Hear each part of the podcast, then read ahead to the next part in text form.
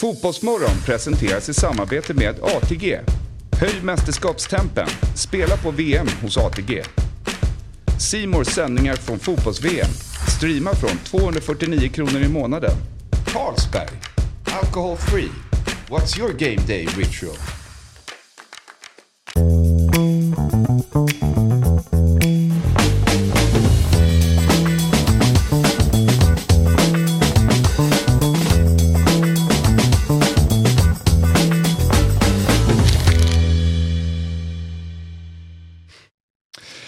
God morgon och eh, hjärtligt välkomna till Fotbollsmorgon söndag den 20 november. Idag så drar fotbolls-VM 2022 igång och det är Qatar mot Ecuador 17.00 som sparkar igång mästerskapet. Vi har 28 dagar av mästerskap framför oss eh, och eh, det finns ju många matcher att se fram emot.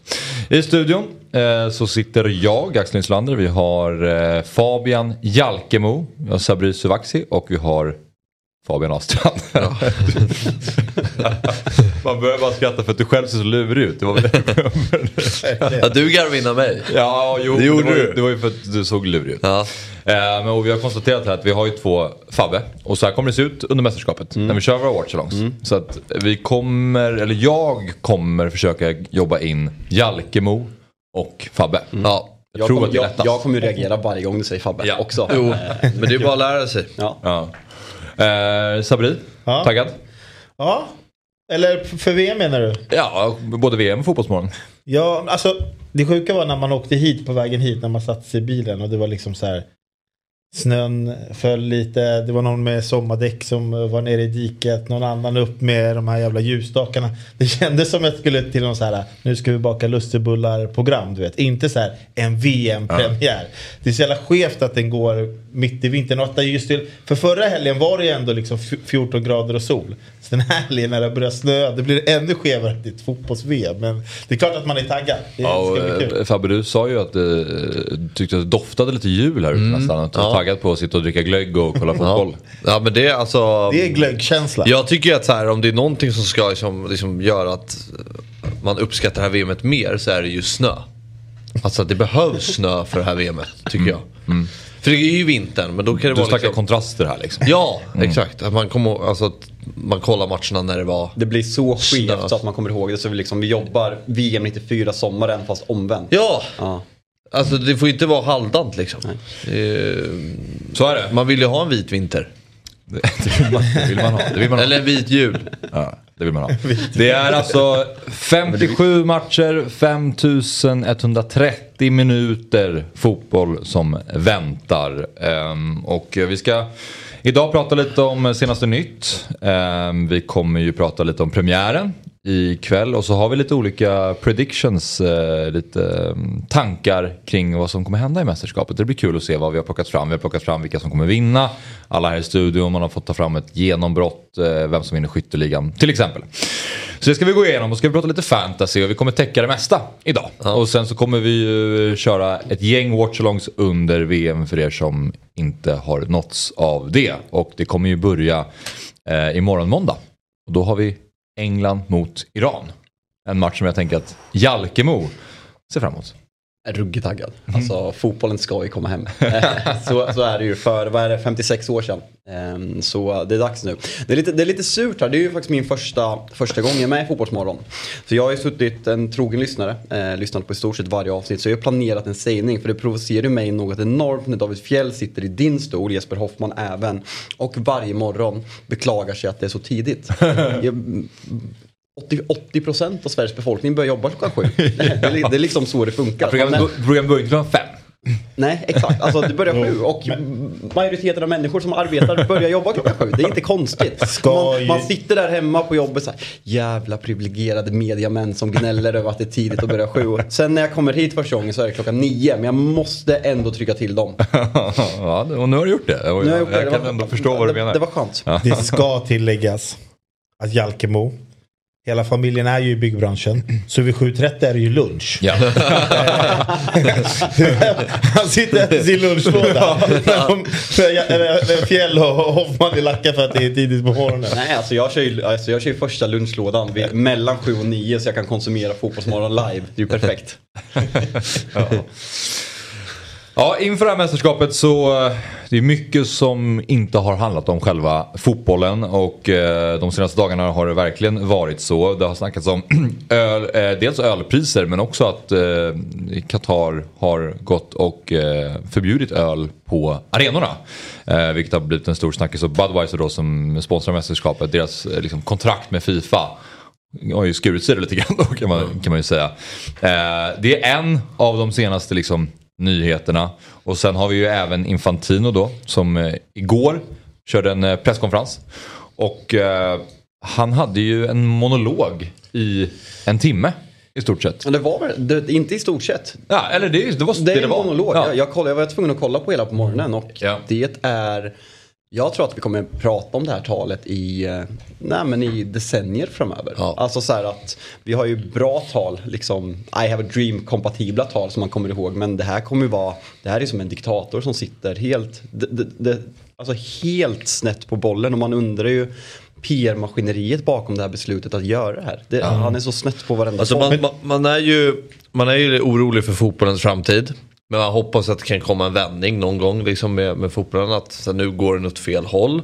Och kanske kommer en vändning till det mer positiva. eh, mer den fotbollen vi växte upp med.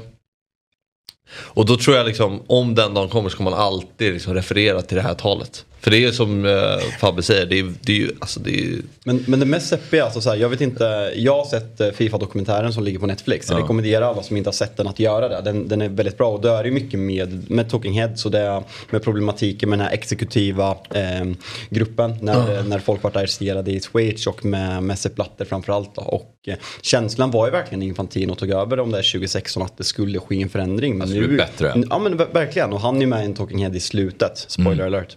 Eh, men känslan är nu att det här är det är på väg att bli ännu sämre. Olof Lund skriver det i slutet av sin krönika efter presskonferensen igår. Alltså så här, jag känner typ ta tillbaka Sepp Blatter. För det var bättre. Ja.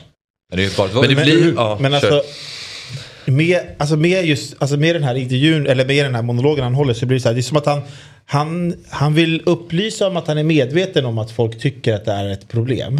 Eller att det finns problem.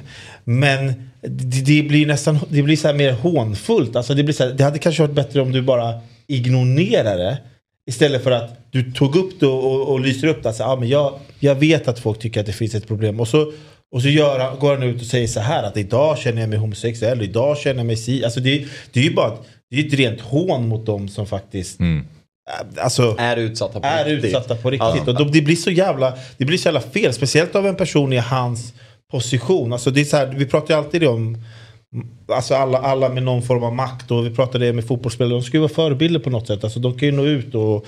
Alltså att han gör... Att han, alltså jag vet inte. Jag, jag undrar också vad, vad hände den där morgonen? Bara, nu måste vi, vi, vi, vi, vi måste visa att vi vet att folk tycker att det här är ett problem. Men Det är ju en timme av att han bara slår ifrån sig i stort sett och menar ju att Fifa är de goda i sammanhanget och att de har gjort rätt för sig att det är västvärlden som är problematiken eh, i den här frågan. Och det, och det kan han ju göra också för det kommer ju inte komma någon intern kritik. Det är ett nyval snart, han vet att han kommer bli omvald. Så han kan ju säga egentligen vad fan han vill. Han har ju, alltså, han har ju stöd. Alltså, det, var, det var ju det här med att han vill ha VM varannat, varannat år. Och det är ju bara Sydamerika och Europa som har gått emot det. De andra stöttar ju honom till döden. Och det är där många röster finns. Sen, det jag reagerar mest på, alltså folk pratar, jag är en förespråkare gällande diskussioner med Qatar och sådana saker. Att ha, man ska kunna ha två bollar i luften och diskutera det på ett sakligt sätt. Allt är inte svart eller vitt. Men den här whataboutismen när han pratar om hur kan Europa ställa sig och peka finger på vad Qatar gör fel? När, med tanke på vad i- Europa har gjort och liksom tagit över länder och slavhandel de senaste 3000 åren. Ska man jämföra vad som hände för 3000 år sedan med vad som händer idag? Och sen även det här exemplet han drar. Jag förstår hur de känner sig. Jag var mobbad och för att jag Ja, var det. rödhårig och hade fräknar när jag var liten. När jag var italienare och bodde i Schweiz. Och jämför sig själv Mm. med de här förtryckta migrantarbetare som inte har något kollektivavtal. Som får köpa sig in för att ta sig och liksom, de får sina pass beslagtagna. Så hur kan man vara så snett på bollen? Det, Ja. det är så fascinerande. Och jag tycker han, sen han tog över, i början så framstod det ju som att han var en ganska lugn och eventuellt liksom resonlig person när han tog över från Sepp Blatter. Och som du sa, att det skulle bli en förändring. Men känslan är ju att Infantino blir grinigare för varje dag som går. Och bara slår ifrån sig. Men- liksom, han, är, han är less på kritiken mot Fifa. Jag tycker att det är helt o- Men orimligt. hamnar han inte någonstans i så här, på, e, å ena sidan är det pengarna. Å andra sidan är det kanske mänskligheten. Och han vill ha en del av båda. Men det är jättesvårt, du, du kan inte ha kakan och äta den också. Så något, det känns som att han försöker plisa alla. Men det går inte. Det är omöjligt i den här frågan. För det finns tydligt två läger. Så å ena sidan vill han kanske du vet, vara lite så förstående mot Qatar och allt det och, och, och pengarna. Och sen vill han liksom vara så här, mm, nej jag har ju andra sidan här också. Så, nej, det, det, blir, det, det, är totalt fel. Då är det så här, mm, tala i silver, tiga i guld. Du, du, kanske du inte skulle sagt någonting alls. Kanske skulle ni sitta, suttit i Fifa och verkligen kommit på någonting riktigt, riktigt bra istället för att bara skicka ut något sånt här stressande som det här kändes. Nej, det var en otroligt märklig presskonferens på alla sätt och vis. Att bara sitta där och prata en timme och sen öppna upp Ja, för och sen skickar de ju ut någon. frågor. Nej, Och sen efter det här skickade de ju ut någon som är homosexuell för att försvara honom. Det är väl hans PR-ansvariga Jaha. som de har tagit över Ja. från Sky Sport som sitter och liksom rättfärdigar. Jag är homosexuell, jag jobbar för Fifa och jag är trygg här i Qatar. Det är liksom, ja men, Men eh, vi- alla som inte har sett eller tagit del av det får, får liksom kolla upp hela presskonferensen. För det var väldigt mycket som sades från Infantino. Han höll på ganska länge som sagt och sa en hel del olika eh, grejer. Men den var väldigt eh, speciell i alla fall. Sen eh, vi har mer news som har skett de senaste dagarna. Nu har ju Fifa förbjudit One Love-bindlarna. Alltså vi pratar kaptensbindlar då. Ehm, och Tyskland har då gått ut och sagt att vi kommer använda dem ändå. Um, och vi ser här i bild för er som tittar att eh, en journalist som heter Rob Harris har skrivit här om att eh, de bindlar som Fifa istället vill att de ska använda och då har de ett gäng olika för Okej. eh, gruppspelsmatcherna. Vi har till exempel första rundan så vill de att, eh, att det ska vara en Football Unites the World bindel och sen i andra rundan så är det Save the Planet ehm, och så vidare. argum argumentationen för det här är också att de vill ha band som alla kan stå bakom. Och då är det så här, one det- love, ja. rätten att älska vem man vill. Det kan tydligen inte alla stå bakom så de gör det här. Och man, man hoppas ju verkligen att tysken som är en, alltså en maktfaktor i, i, i världsfotbollen vågar köra på det här. Det, det är sånt som krävs. Samma med USA, att de, att de gör sin logga för VM i, i regnbågsfärger. England har ju också gått ut och sagt att man ska spela i one love. Så jag hoppas verkligen att de vågar gå emot där. Att, Ja, exakt. För Neuer eh, sa ju då att eh, han kommer ha One Love-bindeln på runt armen. Jag tror Eh, fan på Neuer alltså. Och då får vi ju helt enkelt se och hävda att han liksom har stöd från tyska fotbollsförbundet och presidenten. Så att, eh, vi får se hur, Jag vad, minns, vad som händer där. minns ju EM i fjol, då skulle väl Allians Arena hette väl Bayern München. just det, alltså då skulle de alltså färre än regnbågsfärger. Men det förbjöd ju Uefa. Så även fast man tycker att det är dåligt av Fifa så är man ju typ inte förvånad att de förbjuder det här. Nej, och det är, de hävdar ju då att det liksom, vi förbjuder typ politiska Ja. budskap. Eh, och att hävda att alla ska ha rätten att älska vem man vill är då ett politiskt budskap är ju också någonting man kan diskutera. Ja, så att eh, vi får se vad som händer. Vi hoppas att Neuer och eh, England eh, också dessutom står på sig och eh, bär den binden. Ehm, mm, lite fotbollsmässigt då så är det ju så att Karim Benzema rapporteras missa VM. Och det är ju en smäll. För det vi snackar om Ballon d'Or-vinnaren. Ja. Vad Ja. gör det här för Frankrike Fabbe? Eh, nej men de har ju klarat sig bra utan honom tidigare. Han var ju missade ju, eller han var ju inte med i VM eh, 2018, gjorde väl comeback inför EM 2021. Jag tänkte på det innan, innan den här nyheten kom ut att han kommer missa VM, att det har pratats förvånansvärt lite om Benzema inför mästerskapet tycker jag. Helt enig faktiskt. Alltså jag tycker det, det, det är knappt någonting. Alltså, Alltså folk, har inte det här med att göra med. Folk är väldigt kortsiktiga hur man ser på fotboll. Han var liksom ja, men, helt fenomenal förra säsongen och vann Ballon d'Or rätt, rättmätigt. Men den här säsongen har han ju varit lite sämre, haft väldigt stora skade, skadebekymmer. Så jag tror att många går på att man bara pratar om dem som har en bra landslagskarriär samt har varit bra nu, nu i höst. Så man, är liksom, man glömmer bara ett halvår tillbaka. Det tror jag är anledningen. Jo men man pratar ju fortfarande mycket mer om, alltså, det är klart man pratar mer om Ronaldo men ändå så här. Mbappé. Uh, jag menar, det här är ju Frankrikes största stjärna. Bevisligen. Det är världens bästa fotbollsspelare. Mm. Och han var bäst 100%. 2022. Stjärn, stjärnstatusmässigt så kanske ändå går att argumentera för att Mbappé är en större stjärna. Alltså, alltså i Frank Frankrike har han ju aldrig varit, och Benzema som fotbollsspelare har ju alltid varit så att han har lite kommit i skymundan Frankrikes landslag, olika delar. Ja. Ronaldo. Alltså, eh, och sen Ronaldo Real Madrid, det är egentligen förra året han blev en världsstjärna och missförstå mig rätt, han har alltid varit en världsstjärna men på den här absoluta toppen att man pratar om honom som nej men topp 10 världens största stjärnor för han har alltid, trots sin ålder, att han har alltid varit nummer två eller kanske till och med nummer tre eller nummer fyra i sina lag. Eh, Så det tror jag gör att man har pratat om, om honom ganska lite för i folks ögon har han inte den stjärnstatusen som man kanske förtjänar. Men jag, alltså jag tycker också att det Alltså ersättaren då, Giroud om man ska säga så, det är, en, det är en väldigt underskattad spelare. Alltså, de vann ju, när de vann VM 2018, 2018 då var ju Giroud en, en framstående eh, nia där. Liksom. Sköt han noll skott i hela mästerskapet va? Trots att han inte gjorde några mål. Men ändå var han ju jävligt viktig för laget. förstår du? Och de vann ju ändå VM med honom. Nu har ju Benzema haft sitt år. Men han har heller inte så sprudlat i VM-kvalet eller Nations League Ja, och så vidare. man Men- vet att Mbappé sitter så här nu när han får spela med Giroud att han kommer Men- vara... men- Det, det är så klassiskt det, dock med det är Giroud. 23 spelare som saknas från, eh, från det laget som vann VM. Och det är ju Pogba, Kanté, Matuidi. Det är Mm. de tre. Ja, precis. De har bytt ut Umtiti mot en bättre mittback. Sen är det ju nästan samma lag, man glömmer nästan bort det. Men det, jag, jag tror att det är större frågetecken kring det där mittfältet. Alltså att de ska ersätta Pogba, Kanté med, med Chamini eller Gudensi eller Kamavinga. Än att Giroud ska ta Benzemas plats. Det är enligt mig, men det kanske inte, folk kanske inte håller med. Jag vet inte. Alltså, det är ju så här klassiskt när typ, när, alltså, apropå Giroud, när de vann VM och han inte sköt ett skott på mål eller vad det nu var. Att så här, ja, men han var ändå bra. Men hade de rykt i semifinalen då hade man ju bara slängt all skit på honom. Att säga, ja men vi har ingen anfallare. så då- det blir då- alltid då- när du vet. Om Frankrike hade haft en nia Ja, som kunde göra mål, då hade de kunnat ta ja. sig hela vägen.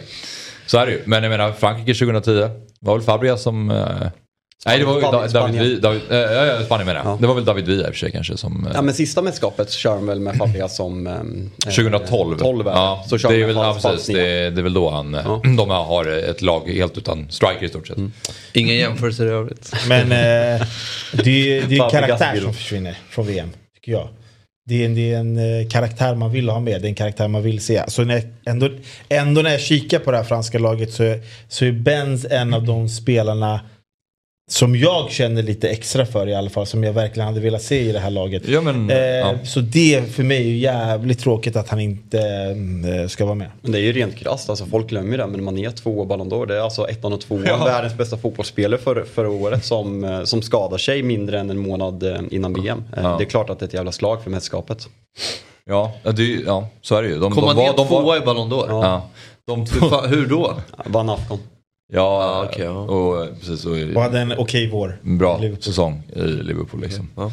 Men ja, som du säger, ettan och tvåan i Ballon d'Or är inte med. Men ändå är det inte, alltså det är ett, såklart ett stort tapp framförallt. Eh, alltså Frankrike kan nog klara sig bra, men framförallt för Senegals del. Men ändå så är det min känsla att det är inte de största stjärnorna ändå. Liksom. Det är inte den här stjärnglansen som tappas av att just de två, även om de var bäst förra Alltså. Mané skulle jag ändå säga är en stjärnglans som tappas just för att han är Afrikas, alltså hela Ja, kontinentens nummer etta. Mm. Benzema blir mer, det låter helt sjukt när man säger det, men mer än i mängden. Men Mané, Det är lite konstigt att det är så. folk pratar liksom att Senegal ska vara det första afrikanska laget som kan Ja. ta sig förbi en, en kvartsfinal. Och man har ett riktigt bra lag och nu tappar man sin lagkapten och ledstjärna. Så där skulle jag säga är större också- stjärn, stjärnbortfall än vad Benzema Har du bättre lag än med. Ghana?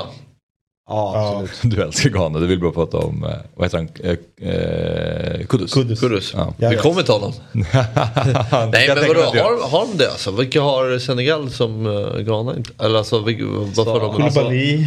men han är inte bra. Men, men det är ju mål. Alltså de, de, Ja, det är har, bättre än de, har, de har riktigt bra lag. Mm. Ja. Nej, det, det tycker jag är jävligt, det är trist att, för att han, är, han var ju också där så bra i Afcon och har varit så viktig för det här landslaget. Så att det är sånt enormt tapp för Senegal. Det hade varit roligt att se vad de hade kunnat göra med honom. Men så är det. Eh, Vi, eh, I Fotbollsmorgon så pratar vi, kommer vi inte bara prata om VM, vi kommer fortsätta prata om allting som händer i fotbollsvärlden och även i fotbolls-Sverige såklart. Och, eh, på transfermarknaden kring allsvenskan så har det ju skett lite grejer. Dels klara övergångar men också lite rykten. Och till Djurgården så har ju Carlos Moros Gracia gått nu från Mjällby. Det har ju snackats om det som ett riktigt bra nyförvärv Fabbe. Vad säger du som håller på Djurgården? Uh, ja det tycker jag. Jag tycker också det är så här en värvning som går lite under radarn. Det pratas inte så mycket om hur bra värvning det här är. För det, jag tycker han är grym. Alltså han var ju jättebra från den dagen han anslöt till Mjällby. Var det förra sommaren. Och när de var i krissituation och låg i botten av allsvenskan så kom han upp. Var en stor nyckel till att de räddade kvar kontraktet och mm. varit ja, riktigt bra i, år också. Så uh, etablerad spelare, uh, sett till ålder. Um, ja, behöver nog inte någon längre startsträcka. Och kommer konkurrera om en startplats. Och uh, här får man ju både bredd och spets in i, in i truppen. Så, uh, jag är Vi har sett nöjd. Marcus Bring som är fotbollsanalytiker på både Expressen och Fotboll Stockholm till exempel. Han har ju lagt ut lite olika, han lägger ofta ut statistik på olika spelare och la ut en sån spider på Moros Gracia i jämförelse med resten av allsvenskan. Och man ser ju att han är, han är grym på nästan allt. Alltså han är ju ja, kom, komplett, ja, bra, komplett försvarsspelare. Ja, en spansk försvarare. Typ. Men det som är häftigt med, alltså det som är så typiskt Djurgården och Bosse, eh, kanske framförallt med den här värvningen, är att man har ju ett fantastiskt mittbackspar i, eh, i Danielsson och, och Hjalmar. Men det här är ju, man bygger för framtiden redan innan Hjalmar. Hjalmar kommer ju lämna, om man inte lämnar i vinter så kommer man ju troligtvis lämna i sommar och då har man ersättaren klar här. Och det är så snyggt jobbat. Sen, eh, ja men som Carlos Gracia och Danielsson i ett mittlås. Det, alltså så här, det, är, det är ju toppklass. Ja. Sen så kan man bredda det sen när Hjalmar till slut lämnar. Så det är, det är ju förebyggande by, by, byggnation och att man kan ta den här på fri transfer är ju superbra. Man är nyfiken på att veta hur, hur mycket Brännan ville ha honom. Eh, om, det var, om eh, det ringdes några samtal där. Mm. Eh. Ja, men jag frågade Brännan om liksom hur han är som i en grupp och han är ju en tydligen ska vara en fantastisk karaktär och, och passa perfekt in i, i, i, i, ur ett grupp dynamisk ja. perspektiv också. Mm. Så... Det är lite den känslan man får av honom. Det, ja. det är en mogen person. Och det är ju väldigt viktigt när du ska spela i Djurgården också. Det är ju, det, det är ju väldigt, det är en bra gruppdynamik där. Och, då, och mm. framförallt nu blir det viktigt att Ja, nu kommer det vara stora delar kvar av truppen som spelar i år men att här, det är viktigt redan från start eftersom att det kommer ja. ett Europaspel tidigt och sådär. Man sätter en bra grund. Det hade varit mm. roligt om du sa så här, ja, men jag frågade Brennan om han var, han sa jävla as alltså. Usel spelare, usel människa. um, två spelare som inte är klara för en ny klubb men som ryktas till AIK det är ju Värnamos eh, Magashi och så har vi FC Honkas eh, Rui Modesto. Magashi är 24 år gammal, Modesto 23. Eh, och vi ser att eh, Daniel Kristoffersson, AKA Disco, har eh, skrivit om att eh, båda spelarna är nära AIK och till och med att AIK är överens med den här portugisiska, eller med FC Honka om en övergång. Eh, Rui Modesto vet jag inte hur bra koll ni har eh, på honom? Nej, alltså inte jättebra koll men det verkar ju vara en eh, sån här klassisk ytter wingback och det är väl lite så som Brännan vill spela eller som han hade lite med Mjällby. Han hade ju väldigt eh, offensiva yttrar och eh, och alltså där man kan spela en 3-5-2 också 3-4-3. Så mm. det är väl lite det som vi också har saknat i år i AIK. Liksom det, vi har haft kanske bara en tydlig, det är 81 i princip. Sen har vi liksom inte haft eh, den typen av spelare. Så eh, eh, eh sett till vad vi behöver, perfekt. Eh, hur kvaliteten är, jag vet inte. Men eh, verkar som att Brännan ändå har haft ett finger med i spelet. Så uh, lite koll har han. Men det man, det man gillar med det här också är att AIK har haft en väldigt uppdelad eh, åldersstruktur på laget. Man har mm. haft de här ja, men, unga killarna som har kommit, eh, kommit underifrån egna leden. Om vi tar Bilal och Ayari som exempel. Och sen har man haft ja, men, Henok, vi har Seb Larsson, Lustig, Milo, Sotte som är liksom uppemot 30 och det finns ingen framtida försäljningspotential. Här får man in två spelare om det nu blir klart i mm. rätt ålder som man kan utveckla och som man har en potentiell bra vidareförsäljning på. Eh, så det här tror jag är väldigt bra och Magashi framförallt är en spelare som AIK behöver på det där mittfältet. Varit ja, men lite dålig kreativitet kanske. Mm. Och nu får man in en mer kreativ mittfältare som kan föra bollen uppåt och även bra i straffområdet. Så det här, det här tror jag är väldigt bra på många sätt för AIK. Ja, jag vet att du gillar Magashi. Ja, jag tycker det är en av bästa spelare. Ja. Jag tycker han är grym. Nej, men jag tycker han var jättebra i år. Alltså, I ett Värnamo som också var bra. Men jag tycker att han är... Uh, han har grymma kvaliteter. Så det är ju en, uh, det är en supervärvning av AIK. Ja. Men jag gillar det faktum att man värvar inom allsvenskan. Alltså spelare som man vet har och kan leverera i allsvenskan. Det är också, det är också viktigt att göra det. Att se sig omkring i de eh, mindre klubbarna runt om och, och plocka sådana här spelare som Agashi och sådär. För du, du vet lite vad du får. Och sen i AIK så ska man ju alltid liksom försöka bygga eh, runt någon lite större, liksom så här, inte hemvändare, men det är lite AIKs eh, grej att hämta någon som verkligen vet och kan AIK. Så, så för mig, alltså värvningarna hittills med Omar Faraj och nu Modesto och Magashi. Det, det känns lovande. Så nu, nu vill man bara kanske hitta Ja. någon som ska ersätta Seb Larssons liksom själva pondus och status. Eh, Ja, fan vad enkelt. Men det kan ju Alltså, ändras. Det, det, är ju inte, det är ju inte enkelt, men till exempel Men det- en spelare som, inte- som Saletros Ja, skulle absolut. kunna fylla, inte de skorna riktigt, men det är en sån typ av spelare som kan AIK, som är bra, som är som har det här, äh, den här AIK-auran som man behöver. Ja, Du alltså, håller kanske inte med eller? Nej jag håller inte med. Jag tror att det här, man må, alltså det där är ju alltså det där kan ju ändras kulturellt liksom. Alltså när vissa spelare precis. lämnar då kan ju här, andra spelare Istället för att ersätta honom så kan man skapa en ny... Ja, men det är klassiskt att man slänger sig med det och jag säger inte bara att bara Sabri gör det utan det är klassiskt att man, nu tappar man en ledare, man måste få in den typen men så funkar det inte liksom. I, Det, det, det, har, det gjort det i AIK tyvärr. Alltså det, det, är så här, det, det, det, har tapp, det har tappats väldigt många sådana nu på väldigt kort tid. Alltså det, det är både Lustig Sebbe, det är eh, Henok Det- som försvann innan, det är Nabbe som drar. Milo os, osäker om han ska spela. John har ju kommit in som har en typ av status men han kanske inte riktigt är Men det, det som AIK riktigt än. Fabbe menar är väl då att även om det är spelare som lämnar så kanske man inte instinktivt måste tänka att de här måste vi ersätta med exakt identiska spelare och försöka återskapa det som har funnits så att man kan skapa någonting nytt. Det vet ju Jalkemo allting om tänker jag när, när Sir Alex lämnade Manchester United och så skulle allting återskapas med David Moyes och van Gaal och det Ja. var så här, hur hittar vi tillbaka in i Nej, alltså- Sir Alex fotspår och det kanske var helt fel väg att gå. Ja, verkligen. Alltså, det var ju en romantisk tanke att an anlita David Moyes där. Och det är det som har liksom präglat Manchester United de senaste tio åren. Så jag, jag är nog inne på Fabbes linje lite där. Att det är en farlig väg att gå. Sen, du tar Saletros som ett exempel. Det är ju en yngre, moder, alltså så modernare Seb så pratar vi så. Men just att det här, nej, men nu måste vi ha en hemvändare som kan AIK, som Och- och- är som Seb. Det, det tror Det jag är fel väg att gå. Man, jo absolut, men man ska inte romantisera dåtiden för mycket. Ja, men om man tar Sebastian Larsson som exempel, liksom, hur bra har det gått under Sebastian Larssons år i AIK då? Om man tar den, alltså han har ju varit jättebra. Man är gullig Men- direkt. Jo, jo men alltså. Jag menar 2019 var ni ju på slutet fyra. 2020 gick det åt helvete. För, eh, 2021 ja, tvåa och sen i år var det en dålig säsong. Jag menar det är ju inte. eh, Det har ju inte varit så här, ja men den här pusselbiten måste man ersätta. Liksom. Mm. Nej, det är bara...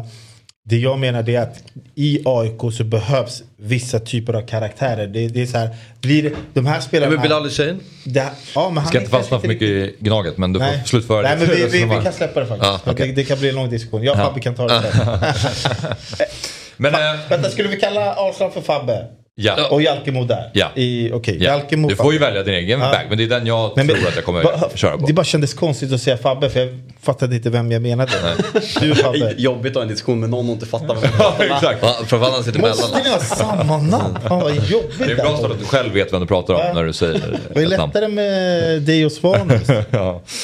Men eh, det är faktiskt så att även om eh, Sverige inte kommer spela eh, fotbolls-VM så har de spelat fotboll. Eh, och har två landskamper nu i ryggen mot Mexiko och sen så de slog Algeriet. Igår. Och de slog Me- Mexiko också. Så nu har Sverige två, två segrar och nu är, nu är Sverige igång igen. Eh, 4-4-2 tillbaka. Fo- Fotbollskanalen körde succémånaden. Ja, nej, det, Obesegrade i november. Ja men alltså slå Mexiko är inte dumt. Det är det De inte. spelar ju med i VM. Det var ju deras genrep. Ja, precis. Så ja. Ska man vara ärlig? Eh, Det tycker jag att du ska. Inte sett en minut. Nej det är inte jag heller. Ja, och det är, väl, det är väl, du är nog inte ensam. Alltså, så har det nog varit för många. Det är så totalt iskallt. De har ju eh, gått lite under radarn de här landskamperna. Jag passerade bryggeriet igår. Kokade där inne. Nej, det gjorde du Det inte. gjorde det? Nej, Jo, det jo. gjorde du inte. Jo, jo. Det var ju In i av, värmen. andra, av andra anledningar. Ja, det var, du var ju där förra... Nej men alltså Janne, Janne är ju tillbaka. Janne har ju på något sätt, det kan jag uppskatta, han har ju på något sätt släppt den här Erik Hamrén-populismen. Att göra vad, vad media vill. Han är tillbaka till 4-4-2. Man spelar med, med mot 10 man i en halvlek men torskar ändå bollinnehavet på hemmaplan mot Algeriet med 60-40. Alltså det är ju Janne och Janne, alltså så här, han är tillbaka och alltså så här, P- PR-maskineriet är igång igen och han ska kommentera att man inte får dricka öl på läktaren i Qatar. Det är så PR-genialiskt, samma sak. Ska inte ha någon IPA, det ska vara lag. eh, och- Hur var halländskan? Det är ganska svag. Två plus. ja, det får säga. Nej men alltså du, du, du på något sätt ska Janne vara vår tränare. Då, då vill jag se 4-4-2. Jag vill se den destruktiva fotbollen. Jag vill sitta och vara arg för att vi spelar dåligt. Men så länge vi tar poängen så är det okej. Och jag vill att Janne ska äta korv och kommentera att man inte får dricka öl i Qatar. Det är min Janne. Ja, Och den vill inte jag. Nej. Inte jag heller egentligen, men hellre den än Erik Hamrén, Janne. Det är en väldigt speciell landslagstid just nu får man säga. Med ett lag som man... men jag- ja. det, det är ett spretigt gäng där ute som... Ja, det är det. Det känns som att det- vilka spelare som helst kan Men det, det, är ställa sig nu man ska, det är nu man ska vara svensk spelare. Alla får ju plats i det. Ja, verkligen. Alltså Fabbe, du är inte långt ifrån. Fabbe, du har aldrig varit närmare landslaget. vi, vi, vi är inte För de som inte såg Fabbes lö- ögon lös upp. Finns det chans. Men det är dock lite kul att se till exempel Gyökeres. Ja, men han är ju Eh, grym. Samuel Gustafsson som ju en otrolig säsong bakom sig när Häcken tog SM-guld. Som har fått spela eh, båda matcherna. Eh, Svanberg som löste straffen igår. Eh, känns som att han plötsligt håller på att bli någon form av eh, bärande figur i det här landslaget. Eh, Isak Hien som eh, nu är någon form av ordinarie mittback bredvid VNL. Ja, men det får man ju se som det, finns, nu- det finns många spelare något som... positivt är väl att, så här, ja, att vi slipper det här VMet eh, för att vi inte är tillräckligt bra. Men att vi kanske kan börja bygga någonting för, för framtiden. Nu får man ju faktiskt tid att göra det. Ehm, så eh, som du säger, det finns ju många intressanta namn. Jag menar Svanberg har ju länge gjort det bra i Europa men aldrig fått till i landslaget. Samtidigt som Kristoffer Olsson bara spelar sig mer och mer ur den där elvan för varje landskamp som går. Och så inte under Janne. Ja, men Han kom- det- han kommer ja. vara där. Och så Gyökeres som, det tror jag kan bli vår alltså, ledande anfallare i kommande Det 5-10 blir, kul, åren. alltså det blir kul att se hur man ska få, om Gyökeres får den utveckling som vi hoppas på, hur man ska få in Alexander Isak och Dejan. Det är svårt att se. Alltså ska Isak och Gyökeres till ett 4-4-2 och sen Dejan till det och sen Foppa, det är offensivt balanserat alltså. Då är Gnugge på När du, mitten. när så du, när du, nämner det de är här namnen så känns det ändå bra. Ja men det är det, ja, det, är som är alltså, verkligen debatten som har varit för ett år sedan. Så satt vi och pratade om den fantastiska nya generationen och nu helt plötsligt är den största krisen sen, sen 90-talet Ja, när, vi missar, när vi missar varenda mäster, mästerskap där, där, där ett tag. Så, men som ni är inne på, alltså Emil Holm, ge honom chansen. Erik, alltså så här, Helander, de här typerna, Helander-typerna, de har aldrig lyft i landslaget. De är skadade hela tiden, de gör ojämna prestationer. Låt Isak Hien spela sig ihop med, med Vigge eh, så kanske vi har ett mittbackspar där framöver. Mm. Och vi, vi, vi snackade ju lite om också mästerskapsmässigt att VM 2022, eh, Qatar, eh, piss. Eh, EM 2020, utspritt överallt. Det var mitt under pandemi, ja, det spelades ju 2021. Också piss. Och sen 2018, Ryssland. Ja, piss. Piss. Ja. Eh, så 2016 i Frankrike, det var ju senaste liksom, riktiga mästerskapet Mm. eh, på något sätt där det var som en publikfest. Eh, 2024, det är ju Tyskland. Oj, oj, oj, det är Tyskland. Oj, oj, oj, oj. Där vill vi ju ha Sverige. Oj, oj, oj, oj. Vi måste ha Jag tror, jag säger så här. Du, känns som att det är du programleder då av TV4-studion. det är min, din enda och Sverige går till åtton, eller kvartsfinal. Just det, för det är, inte- vi får säga väl åttonde, eller har de inte expanderat så pass mycket? Nej, det kanske inte de har. Jo, det är det Jo, fan. det är väl nya. Det är åttondel Ja. Ja, det var det ju nu också. ja, där har det varit i två EM. Ja, två EM. Precis. Vart har vi? Jo, men det jag höll på att säga. God det. morgon. Ja, men så är det. Så att, eh, vi får hoppas att den här nya generationen eh, växer fram som någon form av vettig generation då. Vi ska prata mer om fotbolls-VM. Det drar ju igång idag och vi kommer göra det alldeles strax. Vi tar en kort paus men vi är strax tillbaka.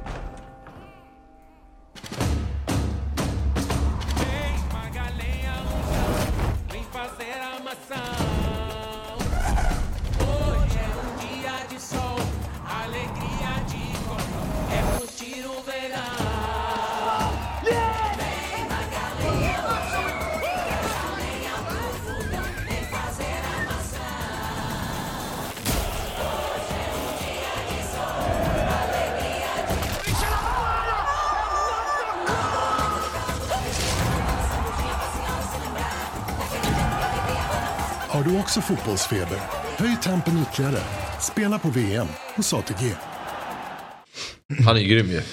Då är vi tillbaka här i Fotbollsmorgon eh, söndagen den 20 november. Jag, Axel Insulander, sitter i studion tillsammans med Fabian Jalkemo, Sabri Suvaxi och Fabian Ahlstrand. Ja. Så ser det ut. Vi har två Fabbe här i studion. Ena kallar vi för Fabbe, det vill säga Ahlstrand. Vi- Originalet. Den så- riktiga Fabian. Och så jobbar vi Jalkemo på Original, Jalkemo. originalet på fler än ett sätt. Men eh, hemma i, i Peking då är det ändå Fabbe som Ja, är men det är Fabbe. Ja. Sen har det blivit Jalkemo här uppe. Ja. Ja, men det är ändå ett efternamn som liksom känns som att det, det, det är inte, det heter inte Sven- Svensson efternamn. Liksom. Nej, det är inte jättevanligt. Så Nej. det är mitt artistnamn på sociala medier också. Så jag omfamnar det. Ja. Och vi vet att ditt fantasylag heter Jalks. Så är det. Så att, eh, det finns många skäl till att vi ska jobba in i Alkemo.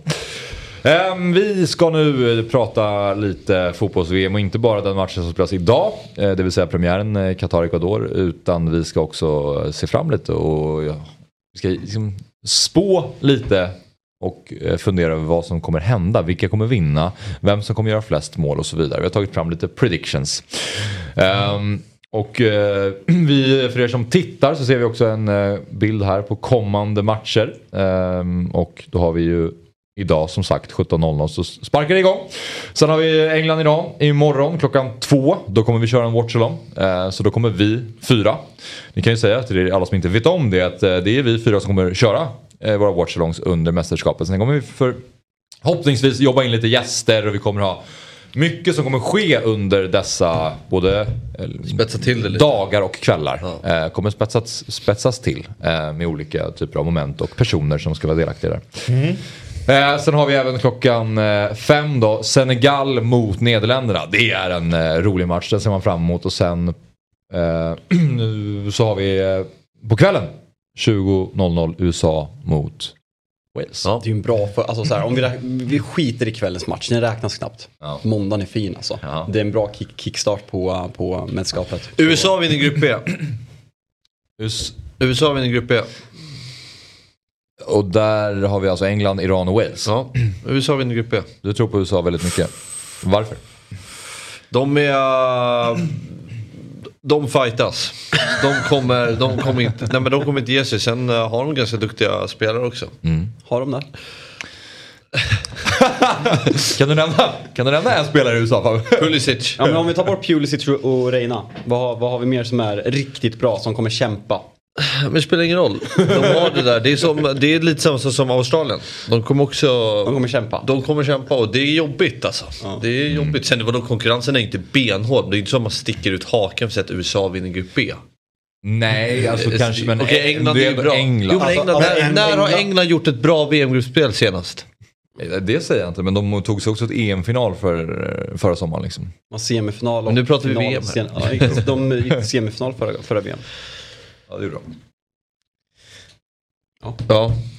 Jo, jo, jo alltså, abs- abs- absolut. Men det, det, det, Så nu är det också det är VM. ingen som pratar alls. Det är ingen, det är ingen, det är ingen som pratar om Iran i den här gruppen förutom iranier. Har du pratat om en, alltså att du vet, det, det, jag tror inte det finns några som tror lika mycket på sitt landslag, eller lite för mycket om sitt landslag, än iranier de har pratat med. För att, eh, nej men alltså det är ett ultradefensivt lag. De spelar sjukt, lite alla Grekland 2004. Ja. Men det är ju den defensivaste tränaren i hela VM också. Carlos Queiroz har ju en historia med Ja, det är Queiroz fortfarande. Ja, det är och olika klubblag. Real Madrid, de var assisterande i United under Sir Alex. Glömmer aldrig matchen på Camp Nou 2008 Axel. Han satte taktiken 0-0. Men det, det, det, det, det däremot kan ju vara, alltså det som Fabbe är inne på, ett, ett lag som verkligen kämpar som är jobbigt. De har ju en tydlig taktik och det är ju verkligen liksom att ligga defensivt, vänta på en fast situation eller en kontring. Men nu har de ju faktiskt fått lite klass där framme liksom. Mm. Taremi från Porto och liksom. Så alltså, man ska inte underskatta dem för mycket tror Vi jag. måste Nej. ju sluta att höja länder för att de kommer kämpa. Det är VM, alla kommer kämpa. Ja men vissa har, Fabbe Alltså, förklara. Vissa har det bara inte. Nej, men jag hamnade, det var lite konstigt, jag hamnade, var lite, ville kika lite gamla eh, EM-match, eller VM-matcher. Så hamnade jag in på eh, Italiens match mot Australien. Och, Det är eh, inte samma Australien nu. och då, Alltså 06. Då, de var ju... När, de ju. Och, eh, och så var det ju, Italien hade ju USA i gruppen. Och som de slet alltså. Det är ju då, det är då Da- Daniel De Rossi trycker ju en fruktansvärd armbåge i... Eh, fan hette han då? Eh, Om var, mittfältare. om var fanns då? Ja, det var ju, men det var ju blodrött direkt. En amerikansk mittfältare. Oh, hette han? Spelade i Fulham? Clint Dempsey. Nej, nej, nej. nej. Uh, Eh, någon sån här oh, McCar- McBride. Ja, Brian McBride. Brian McBride. Fan, amerikaner och armbågar alltså. VM 94, Leonardo. Armbågen på, eh, på amerikanen. Mm.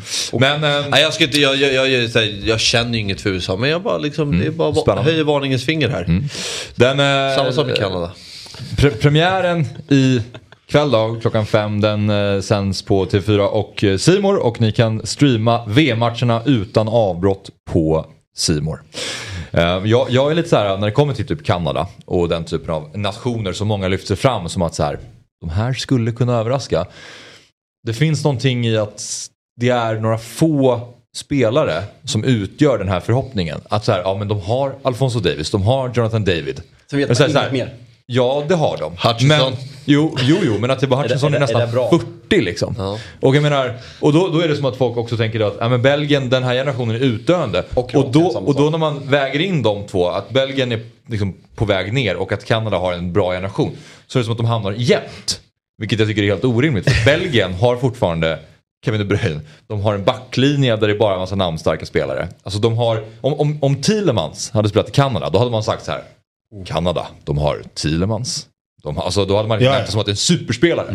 På samma sätt som med Frankrikes mittfält nu, när de har tappat Kanté så blir det i, rela, i relation till det så framstår Chouameni och Kamavinga inte som att de är de största Och sen det är så här, vad, hur Allting är tar på något sätt Kanada- relativt, alltså. hur- Vad möter Kanada? De möter typ Barbados och Jamaica på vägen hit. Eller, eller vad, vad har de i gruppen? Ja, alltså det är klart att det är roligt och, och det skulle vara spännande att se Kanada. Men för, för jag tror att de är överhypade. Alltså jag men- tror inte att de... Men det, där, ja. men det, där är samma saker. Alltså så här, åsikter i VM går ju i cykler och det blir så här ett mode. Jesper Hoffman, jag gillar ju hans spaning han har. Att folk pratar om Kanté och Pogbas bortfall så himla mycket och att det är kris. Men man får in Real Madrids mittfält. Man får Ja. Mm. in Chomini som kostar en miljard. Ja, man får in ja. Kamavinga, en av, vad heter, vad heter? Förnamn? Kamavinga, har du det? Edouard.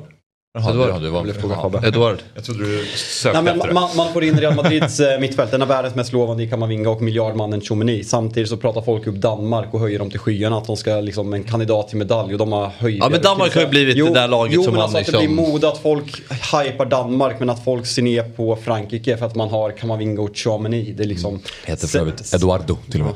Ja, men det är, Sätter man de parametrarna mot varandra så, får, så förstår man att det här med många åsikter blir ja, men som mode, att det blir kreddigt att hypa Danmark. Ja, och det är lite samma. Kanada sorteras ju in under samma, är i samma fack. Ja. Men Nej det gör de verkligen inte. Du, nej, eh, gud nej. Jag vet inte vad du Jag har tycker läst. inte- Har du läst något alltså, kanadensiskt forum eller? Nej men på riktigt. Alltså, så här, har Kanada när man lyssnar på inför, Kanada är hypade. När man lyssnar på införpoddar, alltså så här, de flesta svenskar, det är ju ett gäng, alltså vi har gjort ett, ett gäng och sen an, andra poddar också. Många nämner ju Kanada som en dark horse i den här gruppen, att de Okej. är liksom, ja men hipster-kredlaget, absolut. Men det är så här, ja, Jonathan David är en bra spelare och Alfonso Davis springer omkring där. Men sen så ska de ställas mot Luka Modric och eh, Brozovic och hela kroatiska mittfältet liksom.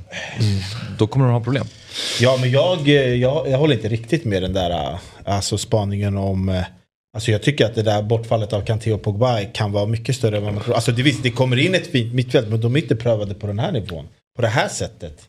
Så eh, klart att eh, det går att säga att eh, Frankrike är försvagat utan Pogba. Och, Det är ju inte, det är inte sagt och, heller. och liksom så här med Pogba i landslaget. Där vet vi bara vilken typ av karaktär han har. Vi såg ju alla bilder som läckte ut från VM 2018.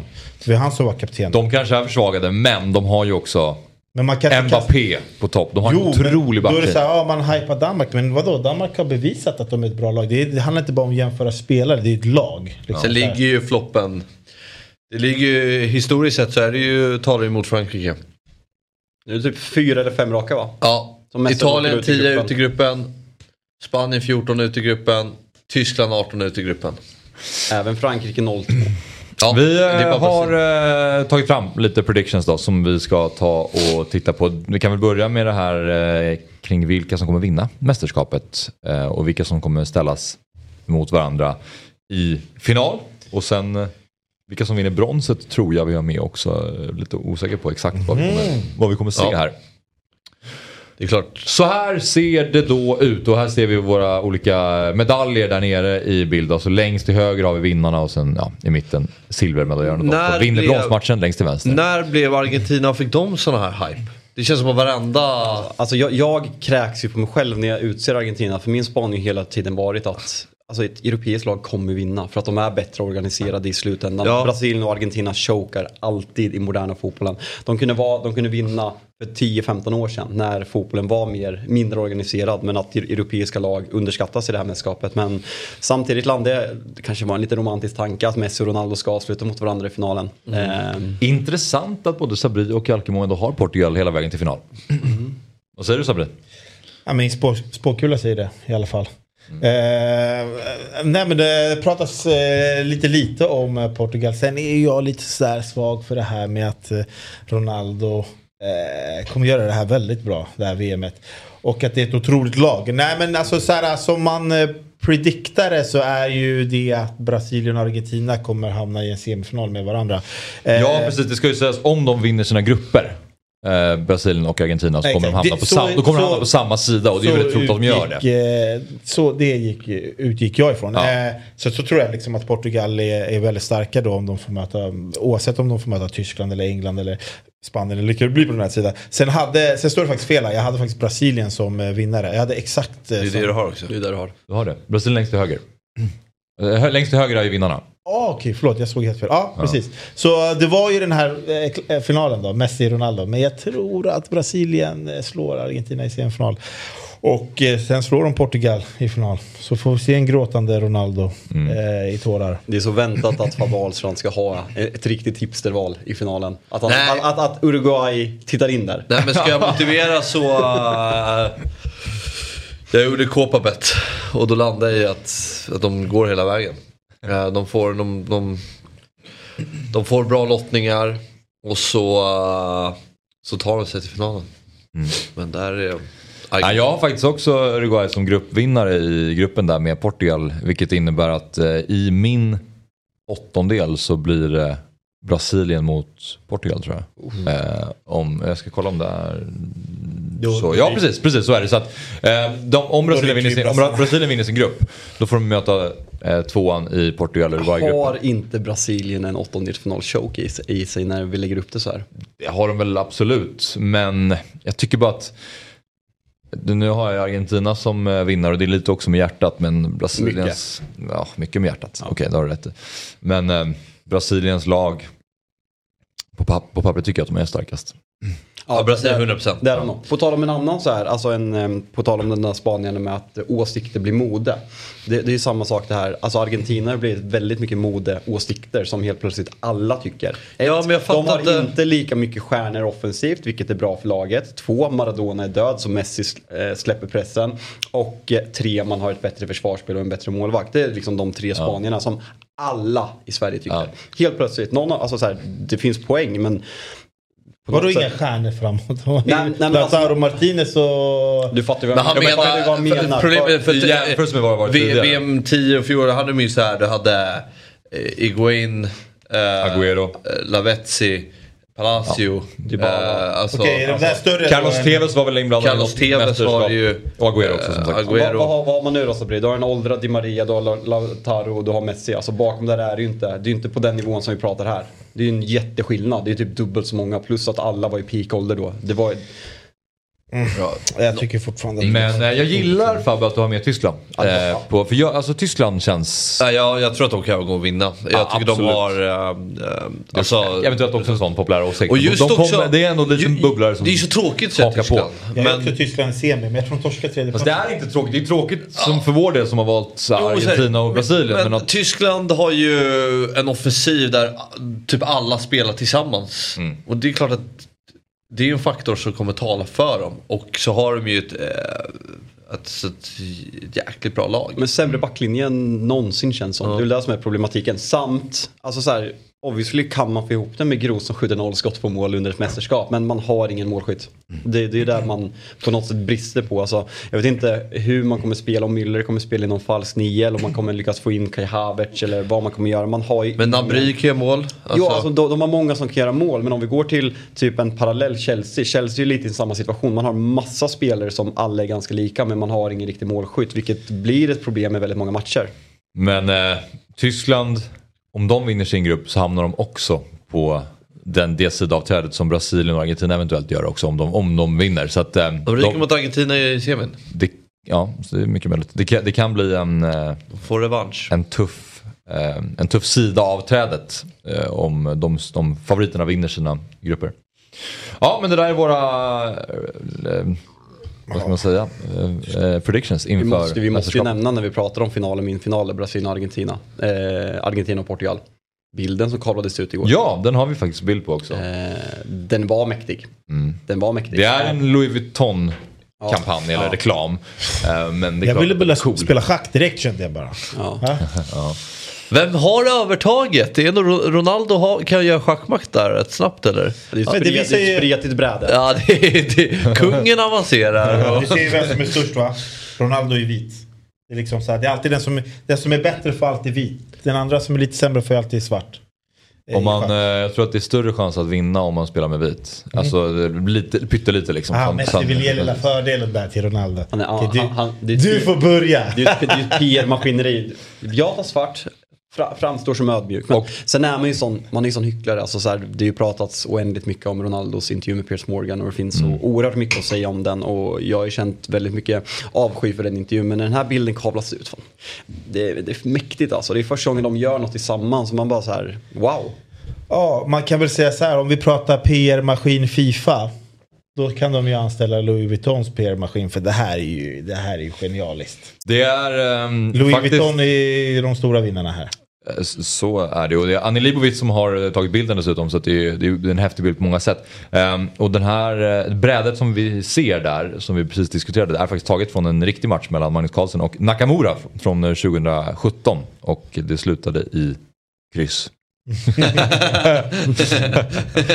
Har vi något pris på de där schackbrädorna? Ruska schackkrysset. då har man spelat ut varandra bra.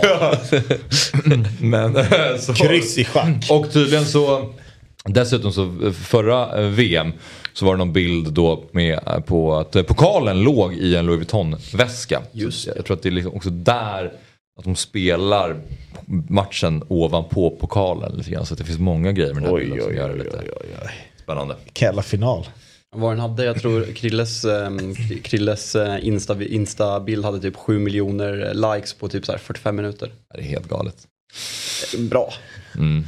Och eh, när han, han pratade väl om Messi också i intervjun och eh, hyllade honom. Eller det, var liksom, det fanns inga, inget, han, han sa mycket negativt om mycket. Men mesta var kring Manchester United. Nej men det var på något sätt fint att höra han prata om honom. Att han typ såg honom som en, eh, som en lagkamrat. Eh, De är inte vänner liksom som att de, de hänger inte. Men att han verkligen respekterar honom och troligtvis, förutom han själv då, så, såklart, ser honom som den bästa eh, fotbollsspelaren inom, aktiva fotbollsspelaren. Ja.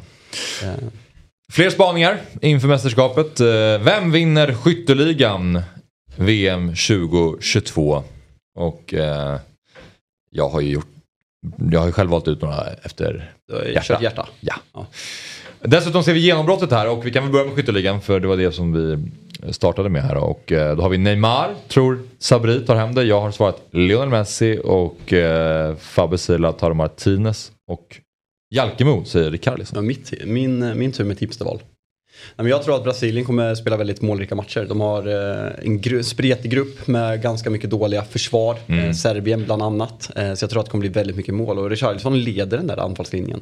Enda som jag är lite orolig för att det kan bli en liten vila någon gruppspelsmatch om det är avgjort. Men annars så, målrikt lag och går man till tredjeprismatchen så uh, gillar jag det här valet. Han, han leder där uppe. Neymar och Vinny ska göra allt annat, Rafinha, men Richarlison kommer göra sina mål. Vann inte Harry Kane 2018 och han gjorde bara mål i gruppen typ? Ja, han, gjorde, alltså, han gjorde bara alltså, typ, den sammanlagda längden på hans mål var typ där, tre meter. Alltså, det var helt sanslöst. Men det var, men, mot gjorde han inte så här typ tre mot Tunisien och... Han gjorde jag väl, minns inte eh, exakt men han Mot gjorde. Panama Ja. gjorde han ju hattrick i första matchen och vann med 5-0 och sånt där. Och det räckte ju nästan. Alltså då behövde han bara, jag petar in två till. Ja, fan, jag, jag kommer inte ihåg om man gör något i åttondelen möter man väl typ Ecuador eller Colombia. Sverige Colombia, gör, det var ju Sver- straffarna. Sverige gör han ju inget mot och Nej. sen så torskar man ju mot, eh, mot Kroatien. Då är ju Trippier som är mål på frispark så det stämmer. Han gör nog alla i gruppen. Ja, ja ehm, och eh, Fabbe du går på Lautaro Martinez. Ja, uh, grym spelare. eh, som kommer starta där uppe på topp. Och jag har ju Argentina som vinnare. Och eh, då är det rimligt att han kanske kommer vara ledstjärnan i det där laget. Så jag tror att han kommer uh, vinna skytteligan. Men sen hur många det är, det, det kanske räcker med fyra i år. Vem vet? Ja, det är alltid olika på hur många mål man eh, vinner på. Det är inte alltid att, inte alltid att det behöver vara så många. Men, eh, eh, men jag landar i Neymar. Han gjorde mest mål i VM-kvalet för eh, Brasilien. Och jag är lite inne på det ni säger. Att jag tror att eh, Brasilien kommer vara ett lag som kommer vara väldigt offensivt. Och gör man mycket mål i gruppen. Och jag tror ju också att Brasilien kommer ta sig långt eftersom jag hade dem som vinnare. Så tror jag att de målen Neymar kan göra i gruppen kommer räcka långt. Och sen så kanske han gör ett, två någon match i, i slutspelet och några till så tror jag att han tar, det där, äh, tar den här skytteligan. Jag tror det är typ Harry Kane som är oddsfavorit hos ATG. Tuffare grupp. Alltså vi var ju nyss inne på... Har inte England en enkel grupp? Jo men enkel grupp, men de möter lag. Jag tror det kommer bli väldigt målsnålt. De kan vinna tre matcher, jag tror de kan vinna med 1-0 alla matcher. Det, det, det känns inte som att det är det här England som kommer vinna gruppen med 4 3-4-0 varje match. Medan typ Brasilien ser jag redan i premiär mot, eh, mot eh, Serbien kan sluta 3-2 liksom. Alltså jag tror att kan, Brasilien kan göra väldigt eh, mycket mål. Så jag tror att, eh, jag är inte riktigt inne på Richarlison. Jag tror mer, alltså där tror jag att du tyvärr kommer åka på att han kommer bli utbytt, han kommer inte spela alla minuter. Och att Neymar, eh, han plockar hem det. Jag eh, har valt Messi och det är för att jag tror att folk underskattar honom lite grann som målskytt. Alltså, i- alltså, idag, kanske inte för några år sedan när han liksom verkligen eh, bombade in kassar i Barca. Men det är också, jag tänker så här, att i PSG så han har fortfarande gjort eh, mycket mål den här säsongen. Men han har också Neymar och Mbappé bredvid sig så att han har inte samma press på sig att det är han som måste göra målen. Han kan liksom droppa ner lite mer och vara i en assisterande roll. Men i Argentinas landslag, även om Lautaro finns där, så här känner han ju att det är han som ska göra det för Vad Argentina. har, vad har han för position i Argentina? Alltså, hur, Exakt. hur spelar... Alltså det- han utgår ju från höger men droppar in lite, han spelar ju vad han vill. Alltså det är liksom. lite gamla, alltså när, innan Zlatan kom, alltså 28, 20, 29 under Peppel. Alltså det är en fri roll såklart, men i Barcelona och ju, ju eller han har blivit, han har ju blivit mer central. Men Ja. här utgår han väl lite mer från höger ändå. Men om, Absolut. om du tänker i en egoism. Alltså så här, leder Brasilien med 1-0. Neymar tänker ju inte så här, nu går jag lite mer på mittfältet och styr och ställer så att vi håller. Han, han kommer ju bara ligga på rull och vilja göra mål. Messi känns ju som den här personen som kommer verkligen ta sitt ansvar. Och kanske, du vet, du vet vad jag menar, droppa lite, Jo men då får du ner. tänka på lilla andra vågen. Kommer där. Nej, det ska bli... Och så Du kommer- ser ju framför dig Jordi Albas passningar. Jag ser ju bara- Det alltså, kommer ju någon chick i. Tjeckien här och vinner skytteligan och vi är helt Jag ser, jag ser bara hur han droppar ner och bara lyfter bollar över till Till Martinez. assist, hur mycket assist? Så bara bombar in kassar. Ja. Mm. Eh, genombrott då? Chouameni har du valt Sabri. Ja, eh, vi var ju inne lite på Frankrikes eh, mittfält här och ja men han lirade sina år i Monaco kom eh, i år till eh, Real Madrid och spelar ju bakom liksom. Eh, han har ju fortfarande eh, Modric och Kroos och grabbarna framför sig men eh, jag tror verkligen att nu med det finns ingen, det finns ingen annan som verkligen kan som, som ens utmana honom på den här platsen i det här landslaget.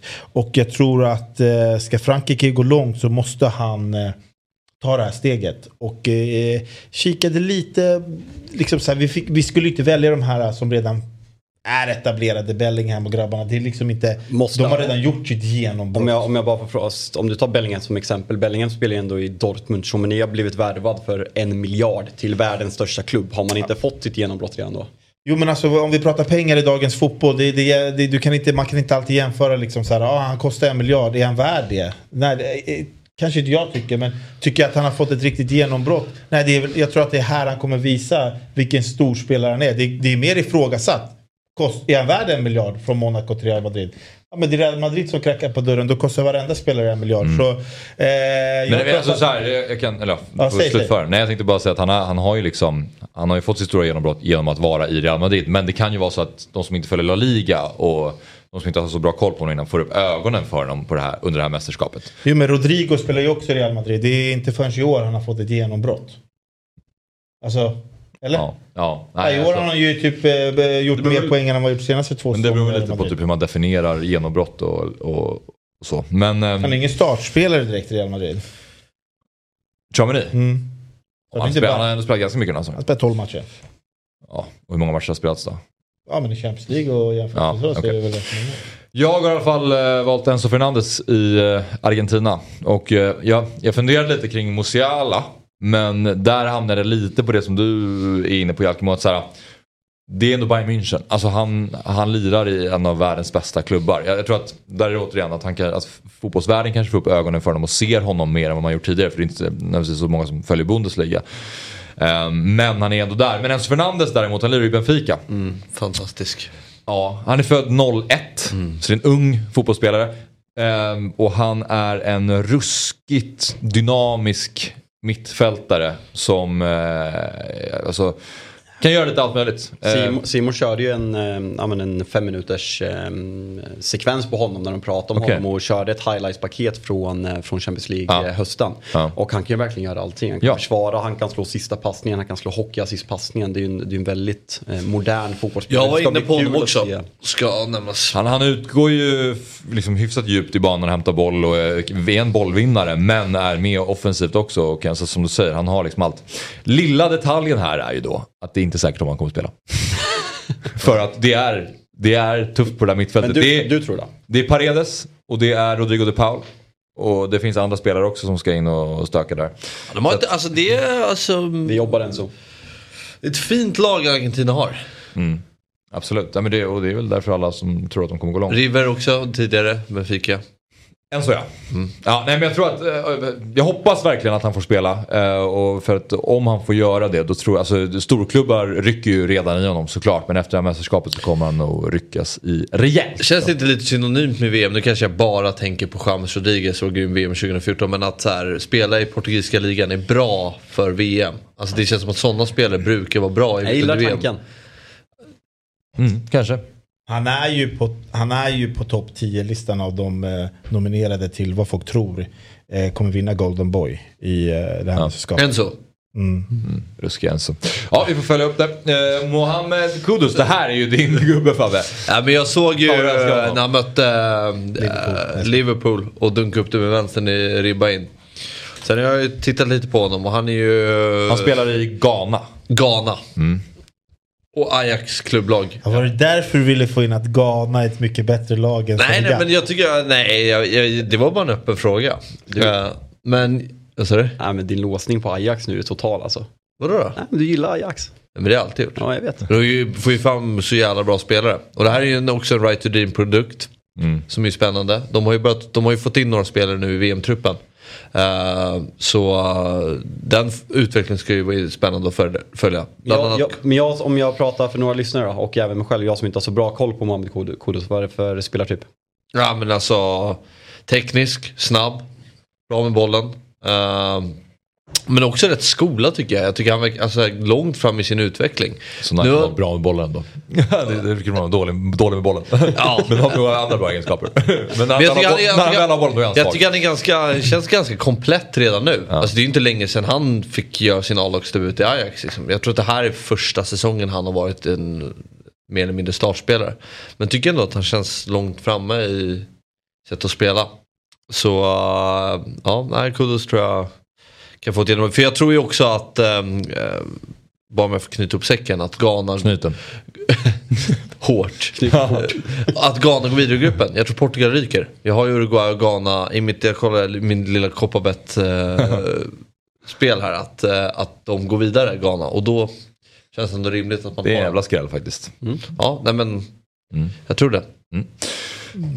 Eh, Cody Gakpo. Det har också blivit lite din gubbe Alkmaar känns som. Ja, ja, ja. ja. Det, Mm. Du det har- i ATG-fancy också. Eh, har, jag honom i, i mitt lag såklart. Ja.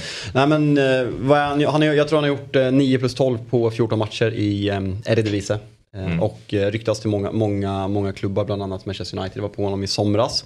Eh, som en eventuell ersättare till Cristiano Ronaldo. Och det här är verkligen känslan. Jag, jag gillar verkligen Hollands grupp. Jag gillar Hollands eventuella åttondelsfinal man kommer, kommer få om man vinner gruppen. Så det är en väldigt bra väg fram till, till kvartsfinalen. Louis van Gaal gillar offensiven. Man har varit fenomenala sen, sen förra mästerskapet.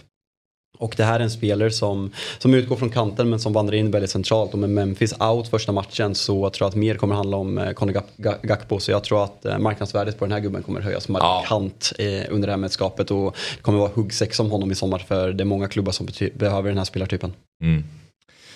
Ja, det är ju just det här med genombrott. Det är ju det, eh, en detalj i mästerskap som är väldigt fin. Att man får upp ögonen för många spelare som man det är inte ser. det är- det är det, är ju, det, det är ju verkligen så. Det är jättekul, alltså, som Hamme som du nämnde, kommer ihåg om där eh, VM 2010 när Javier Hernandez får sitt genombrott och när United redan har värvat honom innan och då, då satt man ju, då mådde man det. inte piss alltså.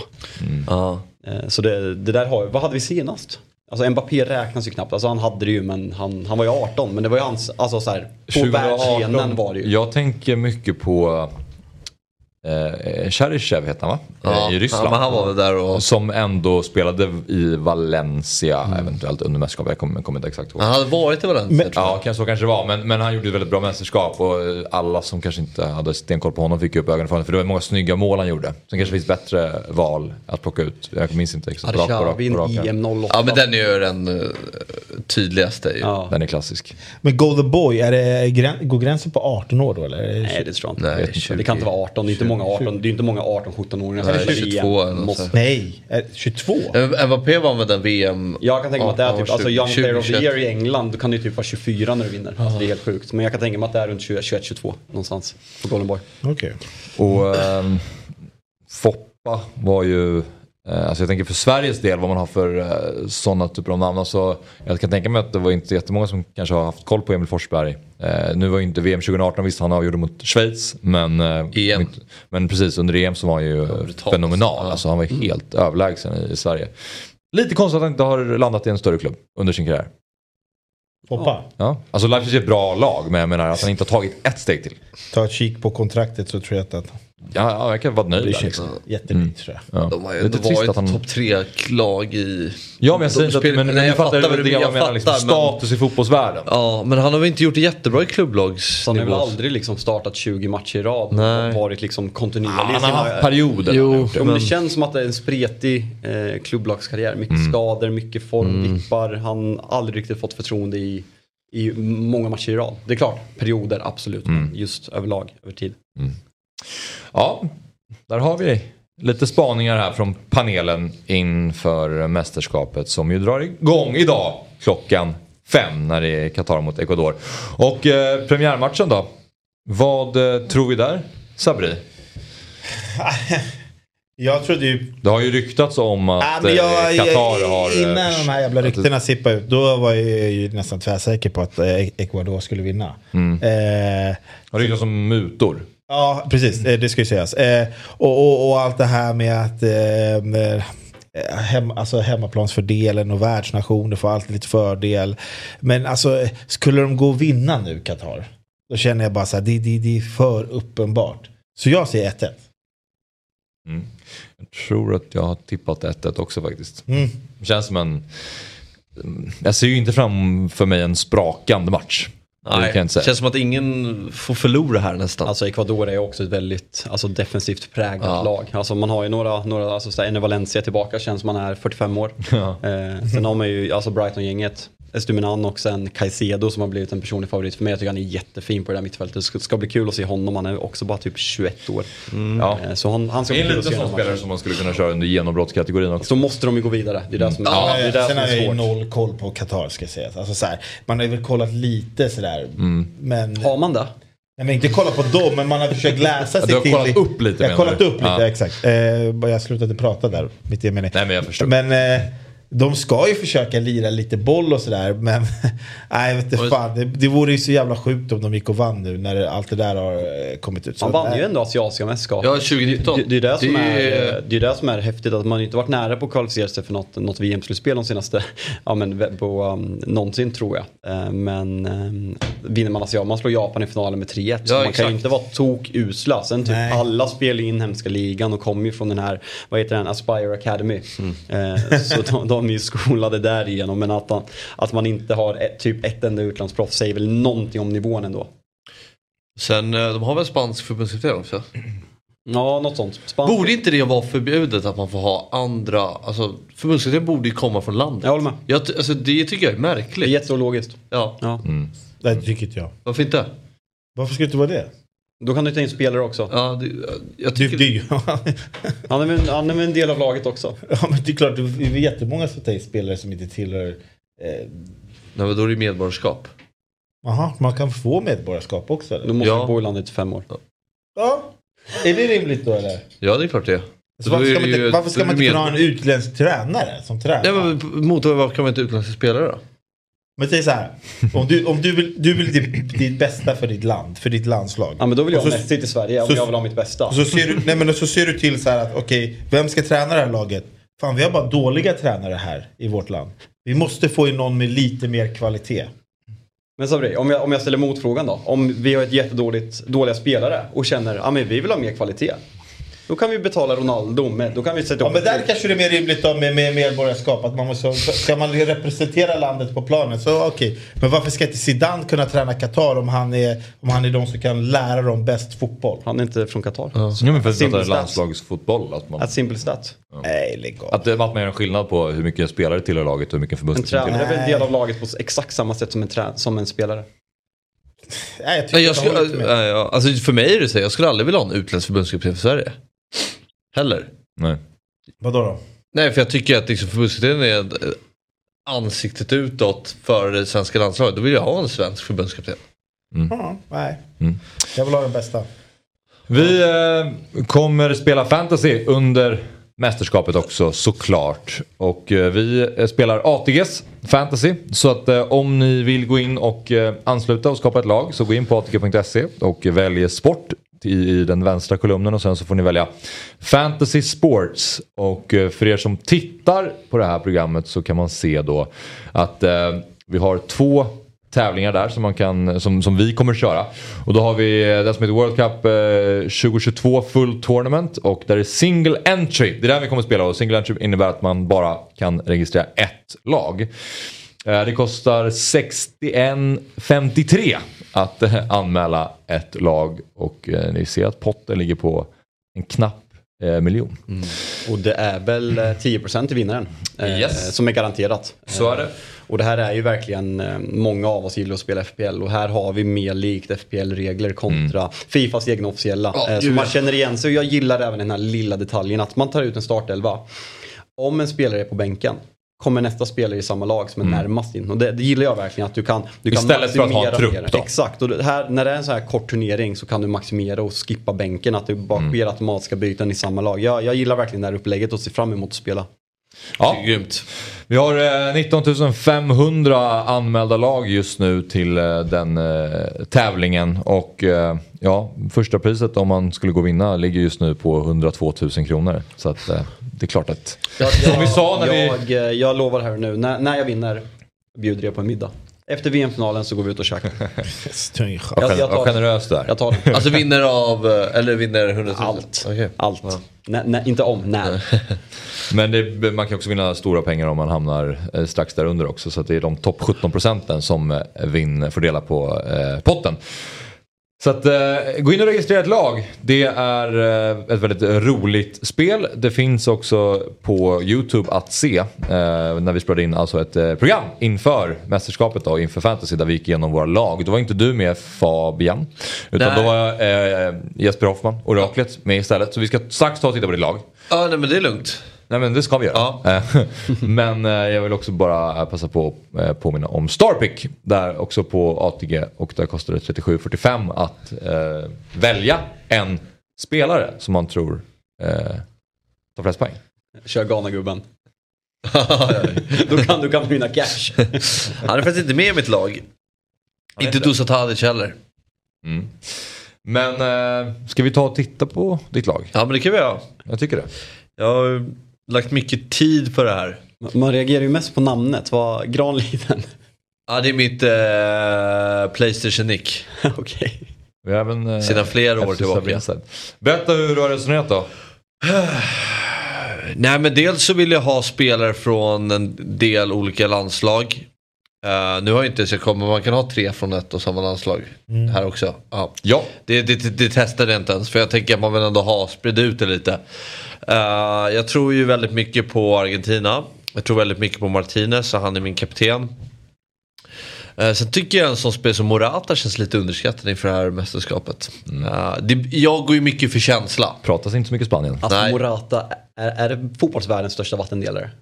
Alltså vissa hyllar honom för allt han gör. Fast men, äh, alltså de flesta, Ja, men det... det- är ju många som är överens om att man tycker att han inte är så bra. Ja, men det finns ändå folk som alltså, så här, verkligen till döden försvarar hur han, ja, med pressspelet, vad han gör för laget. Han är ju sån som kan bara ha en Ja. säsong nu Marcus så här, nästa år. Det känns, men det känns som så här Marcus, ja, nu ska man inte göra någon jämförelse, men så här, typ en Antonsson typ.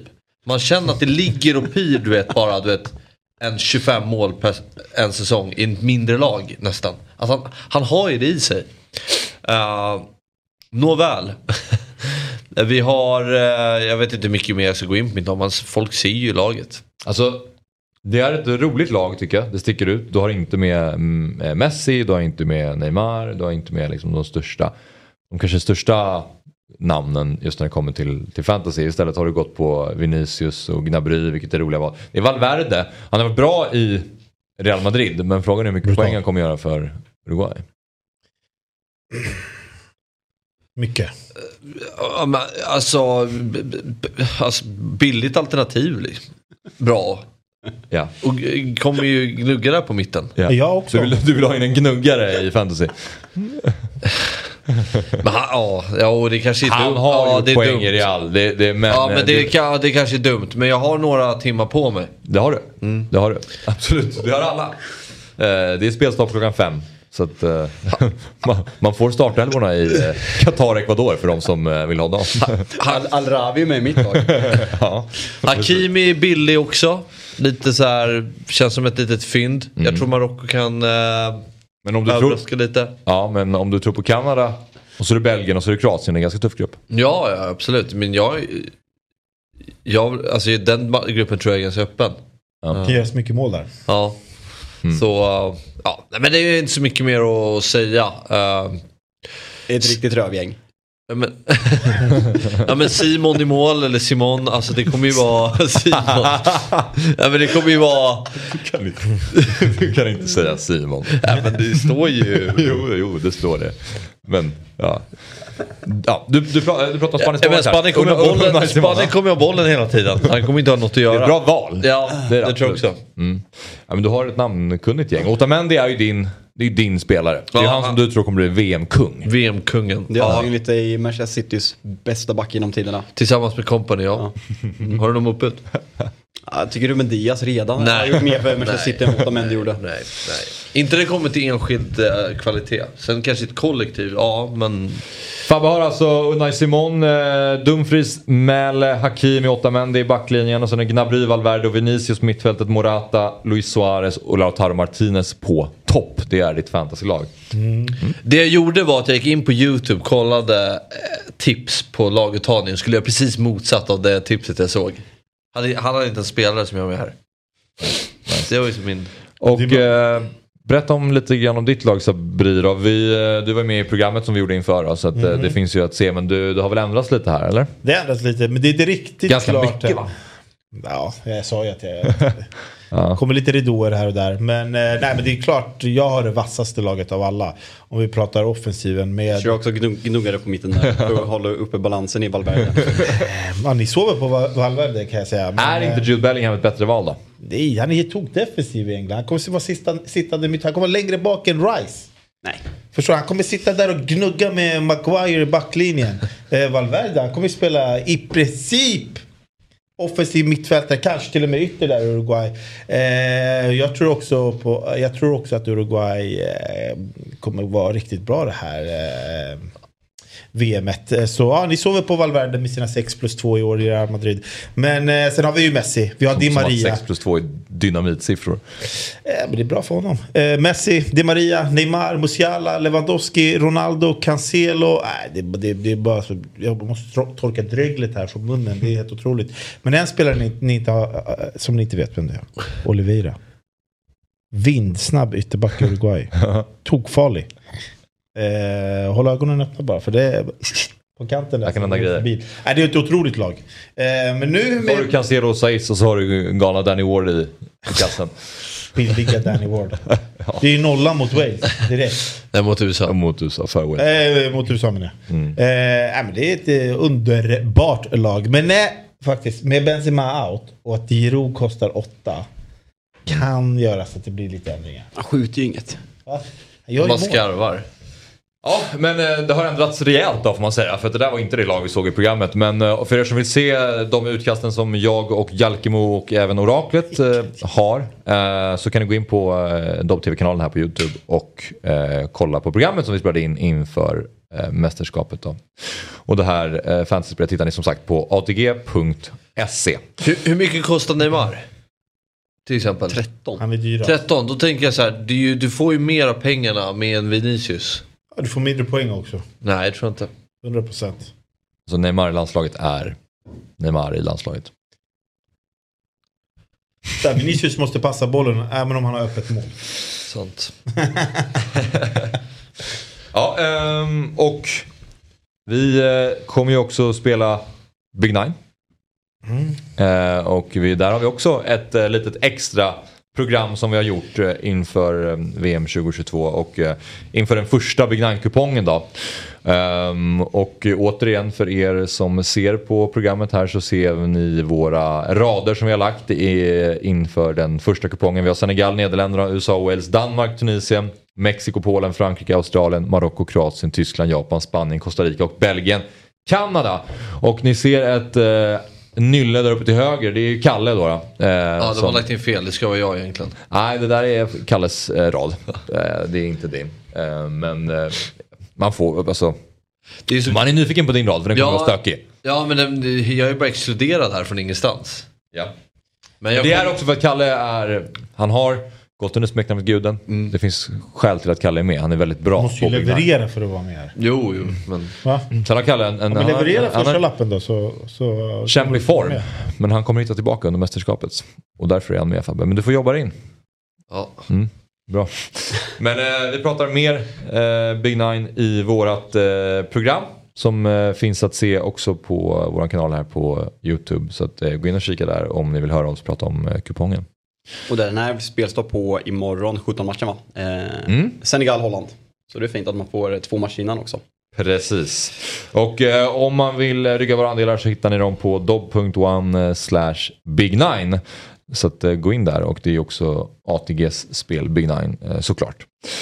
Ehm, för att eh, spela med oss så måste man vara 18 år gammal och har ni problem med spel så finns stödlinjen.se. Ja, nu är det inte jättelångt kvar faktiskt. Tills det här mästerskapet ska starta. Och vi kommer sända Fotbollsmorgon under hela mästerskapet. På lördagar och söndagar, precis som idag då, så är sändningen mellan 9 och 10. Kanske att man drar över lite, precis som vi gjorde idag. Det finns mycket att, att prata om så här, nu när allting ska dra igång. Annars är ju vi tillbaka med ett nytt Fotbollsmorgon eh, imorgon igen, måndag. Och då börjar det klockan sju i vanlig ordning. Och det kommer ju inte vara så att vi bara kommer prata fotbolls-VM, utan vi kommer prata om allting som har skett i fotbollsvärlden. Men det kommer såklart bli ett stort fokus på VM. Ja, några sista tankar? Nej. Du Tom? Ja, nu i alla fall. Kan vi få upp den där bilden på Fabbe när vi tog våra predictions? För den var, jag tycker där, där ser du verkligen, där, där är du nollställd. Den bilden är så jävla nice. Där, apropå att du liksom ser att du, att du inte har några sista tankar. Där Kolla på bilden på Fabbe där. Där, där har vi en nollställd person. Väldigt stor, stor andel av tiden. Han man, tidigt. om man frågar den här personen, har du några sista tankar? Då kommer, då kommer, inte, då kommer inte svaret vara ja, jag har massvis. Då är det den blicken du får. Det är den du tänker på. Tankar? Förlåt, vad menar du? Ja, nej men eh, är det någon annan eh, som eh, har några tankar? Jag tänker att eh, jag höll på att gå händelserna i förväg här, Sabri. Du har lite tankar. För att vi har ju även långtidsspel. Mm, ja, den här är så fin. Och de får vi inte hoppa över. Eh, för att det finns några riktigt spännande spel inför eh, mästerskapet. Vi har ju Myggan som ju sitter här i fotbolls- Fotbollsmorgon och... Eh, vår Argentina-hypen. Spelexpert. Är han, han hypar Nej men det var ju Argentina? Vinner VM och eh, Messi vinner skytteligan. Ja, precis. Här har vi Myggans långtidsspel. Argentina vinner VM och Messi vinner skytteligan, precis som du sa Fabbe. Oddsen eh, 24 gånger pengarna. Jude Bellingham gör flest mål för England. 26 gånger pengarna och sen har vi Messi som ska göra flest assi- assist i turneringen, 8 gånger pengarna. Skulle du säga något Fabbe? Det är ju kul för sådana som dig. ja. Nej alltså, Ingen Bellingham in. räcker det med ett mål så vinner den. Eh, Argentina vinner VM. Alltså det är ju bra odds. Det Alltså ju. Me- Messi-spelen, Argentina-spelen är jätte, jättetrevliga. Ja, alltså. Messi, Det är sällan någon som bra. vinner eh, VM har vunnit guldskon men eh, okej. Fast, odds- Ronaldo fast, 02. fast odds, oddsen för att man eh, vinner guldskon när man spelar mest matcher är ju... Det ökar ju oddsen. Inte i VM, match om tredje pris. Så, Vad sa du? Det är i alla fall Myggans långtidsspel. Eh, De eh, hittar ni också på ATG.se. Sen har vi ju. Sabri som har plockat fram ett gäng långtidsspel. Och här har vi ett då till exempel. Ett sydamerikanskt lag når finalen och Neymar gör flest poäng i turneringen. Mm. 26 gånger pengarna. Nej, det, är ju- alltså, så här, jag kan ju börja med att säga att jag är stekhet. Och eh, det, jag, blev, jag blev chockad över oddset. Att de, att de gav så pass högt. För att eh, vi har ju Argentina-Brasilien i semifinal. Där är det redan klart att vi har ett sydamerikanskt i, i final. Och då spelar det ingen roll om Neymar går till final eller match om tredje pris. Han kommer ha gjort sina assist, han kommer ha gjort sina mål. Eh, han vinner ju den här poängligan, helt klart. Den är redan vunnen. Eh, så eh, jag, ser inte, jag ser inte hur jag ska förlora den här. Alltså, jag, jag, jag, jag gör scenarion i huvudet. Det är någon, då måste någon stoppa hela mästerskapet på något sätt. Att det blir någonting i Qatar och så stoppas hela mästerskapet. Det enda sättet att jag skulle kunna förlora den här. Ja. Håller du inte med Fabbe? Alltså, det, är, Nej men den är intressant. det, är därför de har, det är därför ATG lite- de har till och med lagt en limit. Man får inte lägga hur mycket man vill. Nej, jag ser det. Du har ju Så satt- du har ju bra är satsat noll kronor här. Så det är ingen, ingen, ingen vågad Nej, jag vill satsa mer. Men eh, det, stod, det liksom stopp. Eh, Men eh, du har fler va? Specialare? Mm, jag vet Eller? inte. Nej, det... Nej, vi, har, vi har inte uppe någon än. Vi har ingen i grafik. Ah, Okej, vi, eh, vi stannar där till exempel. Mm. Men jag vet att du... Vi stannar här. har du något till att tillägga? Eller du tom? Apropå att vi stannar här. Där har vi, där har vi, där, där har vi Nej, en, men, eh, eh, en person där har stannat oss. där Det är där ska vi gå ut med varje program. om, det är någon, om det är någon som ställer en dum fråga här i Fotbollsmorgon då, så, så ska man bara svara med den där. Ja, man kollar på det. Men för, alltså, bara för att hijacka, hi- hijacka där du sa om man sista tanken inför mästerskapet. Ja. Med, med tanke på vad som har hänt senaste dagen, alltså så här, hur fort det har gått med Infantinos presskonferens, med ölförbudet, med de här um, kaptensbindlarna. Det ska bli så jävla kul. Alltså, vi har väldigt duktiga svenska journalister som är på plats. Och det, Lika mycket som man ser fram emot eh, fotbollen som faktiskt ska spelas, för det får man tillåtas att göra. Att kolla på matcherna och se fram emot att världens bästa spelare ska möta Ja. varandra. Så ser jag även fram väldigt mycket att se ja, men den granskande journalist, journalistiken på plats. Hur, hur Erik Niva, Olof Lund, Noah Bachner för, för att nämna alla, simor studion kommer sköta journalistiken, hur granskningen kommer vara. Mm. Eh, så jag ser fram emot att följa journalistiken väldigt mycket. Ja, nej, det här är ju ett eh, mästerskap med eh, flera aspekter såklart. Så vi kommer ju följa allting. Även under våra, våra watchalongs. Vi kommer ju kolla på matcherna såklart. Men vi kommer ju följa allting som sker vid sidan av det också. Ehm, och sen så kommer vi dessutom göra så att vi kommer ju ehm, spela lite. Vi, vi har precis pratat om eh, dina specialare. Vi har pratat om Big Nine. eh, och vid eventuell vinst för oss i studion så kommer vi skänka de pengarna till Amnesty. Har vi ju beslutat oss för. Så De att, andra eh, långtidsspelen kommer jag på nu. Men det är, inte, det är mer att vi har lagt in så att ATG har tagit fram vem, vilken spelare från Premier League som blir den bästa målskytten. Och där kan man ju gå in och välja. Jag tror de har fem alternativ i Kane, Ronaldo, eh, Gabriel Jesus och eh, jäkla hö, högt odds på eh, Mitrovic. Tror man på Serbien då ska man gå in och klicka lite Mitrovic. Och sen ett långtidsspel som bara gäller gruppspelet. Man kan tippa vilken, vilken grupp som det blir flest mål i. Där är jag med Fabbe. Belgien, Marocko, Kanada. Det kommer bara, det, det bombas in mål i den gruppen. Tror, eller hur? Det Ja, det är möjligt. kommer vara helt sjukt. Ja, Fan, bara checkat ut nu. Han är- Han tycker, han tycker inte så mycket Nej, längre. han har tryckt på reset. Det är, liksom, det är, det är över där. Eh, reset. Men eh, jag eh, ser också här på YouTube att folk eh, skriver i chatten och undrar exakt hur man hittar till fantasy eh, hos ATG. Och till att börja med kan man inte göra det via appen utan man får gå in via webbläsaren. Och välj, återigen välj sport då till vänster och sen så när, vi, när ni väl är där så välj fantasy sports. Då ska ni kunna hitta vår single entry Vill du få ett, annat, turnering. Och få ett bara- annat tips? Vadå? Kopiera Man kan även googla ATG Fantasy så är första träffen. Det kanske går snabbare faktiskt. Ja. det, För jag, fa- jag fattar ju inte när du drog det där så jag ATG Fantasy. Ja. Man kan, man man kan också skriva in atg.se slash sport slash fantasy. Det finns olika vägar dit. Ja. Men jag tycker väl att din kanske är det mest 2022 ja, men den är bra, variant. den att, är man, bra. att man googlar på det Ja. och om ni dit. får problem, mejla Axel så kommer han svara på hur ni hittar fantasy sports. Sen vill jag bara... Sant! Axel snabel-a.se. Kopiera inte mitt lag. Det blir lite tråkigt. Alltså, gör, gör någon egen grej. Jag tror inte att någon kommer göra det. Efter första omgången så är det jag och 20 andra som har samma poäng. Så går man in och de har exakt samma lag. Också fint att du i programmet pratade om att Mäle var liksom din gubbe, ditt pick. Han har inte ens varit nära gänget. Ja, men Mäle kostar lite för mycket. Irriterar mig. Han ska kosta Men han är fem ändå din max. gubbe i fantasy. Det kostar 62 kronor att skapa ett lag. Gå med oss där. Om man vinner så ligger just nu prissumman på över 100 000 kronor. Ehm, så ser det ut och ehm, återigen så finns våra andelar för Big Nine på dobb.1 slash ehm, Big Nine. Och eh, man måste vara 18 år för att spela och har ni problem med spel så finns stödlinjen.se.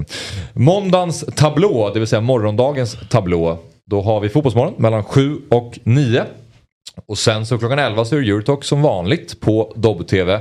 Med Fjäll och Borell och Fernandes och Åslund i studion eh, i vanlig ordning. Och sen klockan 13.30 Kommer A-laget in då rullar A-truppen in. Eh, då börjar våran första watchalong och eh, först ut är ju England mot Iran. Matchen börjar klockan två.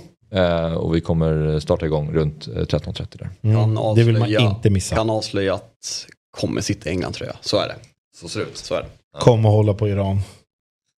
Du kommer hålla på Iran? Ja, det, Ja, 100 procent. Ja. Nej, vi kommer prata mer om det imorgon såklart när, eh, när det drar igång. Vi, har, vi kommer köra watchlongs på utvalda matcher men vi kommer köra väldigt ofta. Men till exempel idag då, med Qatar-Ecuador så är det ju kanske inte den mest spännande drabbningen. Så att, eh, den eh, passar vi på men vi börjar imorgon Mm. helt enkelt. Och då har vi även, vilken match? Senegal, Holland. Vi säger också. Holland. Precis. Så fin. Nej, den är så bra. Och för finsmakarna, mötet mellan två lag som kämpar. USA och Ja exakt, där har vi två lag. Kämparmöte! krigar. Kämpamöte. Ja, ehm, det var det. För dagen Fabbe. ehm, Att du vågar ställa frågan till honom. Ja, precis. Eh, du har väl fortfarande inga fler eh, tankar va? Nej. Nej, det var det jag misstänkte. Vi ska avsluta. Eh, men den här kvartetten kommer eh, återsamlas många gånger under det här mästerskapet. Så ser det ut. Tack för idag. Fotbollsmorgon imorgon 07.00. Missa inte det. Ett poddtips från Podplay. I fallen jag aldrig glömmer djupdyker Hasse Aro i arbetet bakom några av Sveriges mest uppseendeväckande brottsutredningar. Går vi in med hemlig telefonavlyssning och, och då upplever vi att vi får en total förändring av hans beteende. Vad är det som händer nu? Vem är det som läcker? Och så säger han att jag är kriminell, jag har varit kriminell i hela mitt liv men att mörda ett barn, där går min gräns. Nya säsongen av Fallen jag aldrig glömmer på Podplay.